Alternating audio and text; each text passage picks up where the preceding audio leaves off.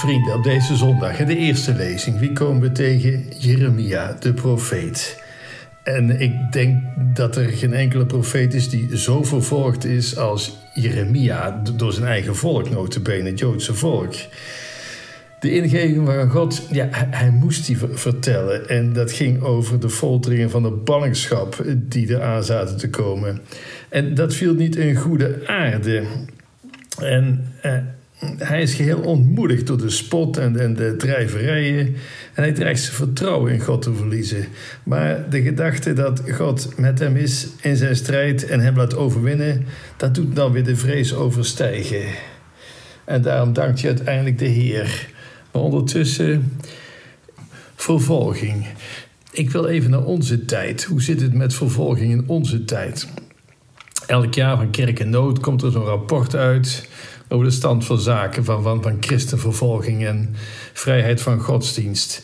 En dat ziet er niet best uit. We treffen daar schrikbarende aantallen aan. Openlijke christenvervolging is bepaald niet zeldzaam in Afrika, in China, in India en Pakistan. En vooral in islamitische landen. En dagelijks worden christenen vervolgd, gemarteld. Daar hoor je niet van, van de seculiere pers. Ja, als het over christenen gaat, het, het wordt genegeerd. En als we wel iets van vernemen, dan wordt doorgaans niet verbeld dat de slachtoffers christenen zijn en de daders veelal moslims. En deze waarheid, die overigens volledig gedocumenteerd en, en statistisch vastgesteld is, is kennelijk niet politiek correct. En toch in de laatste eeuw, hè, in de afgelopen honderd jaar, zijn er meer christenen gemarteld en zijn de marteldood gestorven dan in alle 19e voorafgaande eeuwen bij elkaar. Onze cultuur, hij is postchristelijk, hoe moet ik het anders noemen? Seculiere tijd, het Westen. Ja, ook christenen, die, die, men mag ze niet. Fysiek worden we niet vervolgd of gemarteld, geen zins. Maar we worden genegeerd. Christenen wordt niet meer toegestaan uitgesproken christelijke standpunten te verkondigen in het publieke debat, hè, in seculiere universiteiten, in seculiere media, maar ook in het parlement. Vooral tegengeluiden tegen de dogma's van de moderne seksuele revolutie, die zijn volstrekt taboe. En er zijn er al genoeg die hun baan verloren hebben, simpelweg omdat ze vraagtekens zetten bij bijvoorbeeld zoiets als het homohuwelijk. De opinie van de media staat volledig haaks op opvattingen die eens onze christelijke samenleving kenmerkten. Orthodoxe katholieken worden dan weliswaar niet fysiek vervolgd, maar we zijn toch een soort ballingen in eigen land. Het is een vorm van totalitarisme. Andere opinies, tegenstrijdige opinies worden simpelweg niet geduld. Gecanceld in moderne termen. En die is wel effectiever en verraderlijker dan het totalitarisme van een tiran of een terrorist. En dat blijkt wel uit het gegeven dat christendom groeit waar christenen echt fysiek vervolgd worden. En dat een christendom in rap tempo verdampt, waar dat niet het geval is. We mogen het niet uitspreken, maar fysiek vervolgd, dat worden we niet. De kerkvaders die wisten het al, het bloed van de martelaar is het zaad van de kerk. En het is waar, overal waar christenen echt vervolgd worden, daar bloeit de kerk op, heel wonderlijk. Openlijke haat, vervolging en martelaarschap, dat werkt kennelijk averechts. Het kweekt sympathie en steun en leidt zelfs tot navolging, tot nieuwe christenen. Satans strategie in onze westelijke contraien, dat is dan ook niet het vervolgen van christenen zelf, maar het verbannen van traditionele christelijke moraal door het, ja, men verklaart het simpelweg politiek incorrect, of het wordt betiteld als haat of racisme of een of andere fobie, en dus ontoelaatbaar. Elke uiting die, richt, die zich richt tegen de alsmaar uitdijende lijst van dogma's van de seksuele revolutie, incluis eh, contraceptie en sodomie en abortus en transgender daar hebben we argumenten voor, maar toch, we krijgen onmiddellijk het stempel haattaal of religieus dogmatisme of fundamentalisme. Dat stempel krijgen we opgedrukt. Hoewel het eigenlijk niks anders is dan uitingen van trouw aan de joods-christelijke traditie zoals we die bij twee, twee millennia hebben gekend. En het wordt er ook niet beter op. Nog maar enkele generaties geleden zou men, gelovig of ongelovig overigens, geschokt zijn als ze te horen kregen dat het met voorbedachte raden doden van kinderen in een moederschoot, dat dat gelegaliseerd zou worden.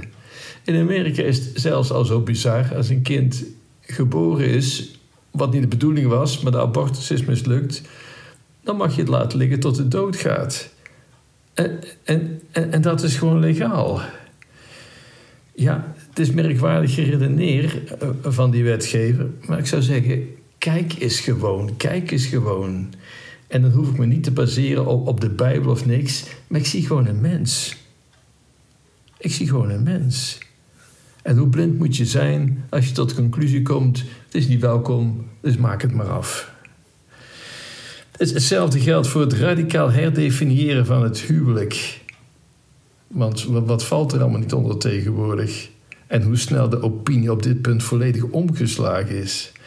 En hetzelfde geldt voor de transgender-ideologie. Het idee dat we niet geboren worden als jongen of meisje, maar dat het gender, nou ja, het is opgedrongen door de maatschappij. En we kunnen dat zelf veranderen als we dat willen.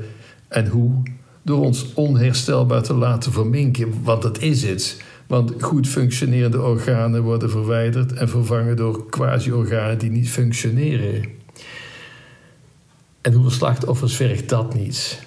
Hoeveel jongeren zijn niet ja, in de war, wat normaal is als je vooral in de puberteit.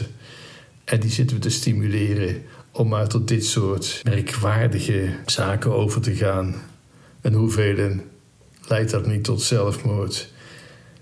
Het, het, is verschrikkelijk. Ik heb te doen met die jongeren. En volgens mij, die transgender ideologen helemaal niet. Het is een ideologie en niks anders. Kan het nog gekker, zou je zeggen? Kan het nog erger worden? Ik, vermoed van wel, maar het stopt ook een keer. Je kunt moeder natuur niet voor de gek houden. Hey, u kent het gezegde waarschijnlijk wel. God is altijd vergevingsgezind. De mensen zijn het soms, maar de natuur nooit. De natuur wreekt zich altijd, de natuur is sterk. Het herstelt zich ook naar de meest verwoestende bosbranden. En voor de menselijke natuur geldt dat des te sterker. Tenminste, als je vanuit gaat dat de natuur geen kwestie van toeval, maar dat gecreëerd is door een schepper God met een specifiek doel. En niet door Hollywood of door laboratoria. En daarom kunnen we het uithouden en hoop houden, net zoals Jeremia in de eerste lezing. We kunnen het uithouden en hoop houden op een toekomst waarin ja, niet megalomane figuren als Bill Gates het voor het zeggen hebben. Of types als Yuval Harari. Goed, die kent u misschien niet, maar dat zijn wel die mensen die transhumanisme bepleiten. Waardoor voor het diep menselijk eigenlijk weinig meer overblijft. We willen zelf voor God gaan spelen. Ten slotte dit, de meeste profeten, profeten uit het Oude Testament zijn gedood. Jazeker, ook deze Jeremia. Maar God leeft in eeuwigheid. u weet het? Nietzsche, de filosoof, die zei het al. God is dood. Maar volgens mij is Nietzsche dood en leeft God. Uiteindelijk wint de waarheid altijd. En het is de waarheid die ons vrijmaakt. En dat is wat God ons zelf vertelt. Dat is wat Jezus ons zegt. En laten we daar in Gods naam aan vasthouden en niet met de waan van de dag meewaaien. En daar heb je geloof voor nodig, maar eigenlijk volstaat gezond verstand al. Kijk eens wat er gebeurt. Zie wat de consequenties zijn. En weet dan, dit klopt of dit klopt niet. Zo moeilijk is het allemaal niet.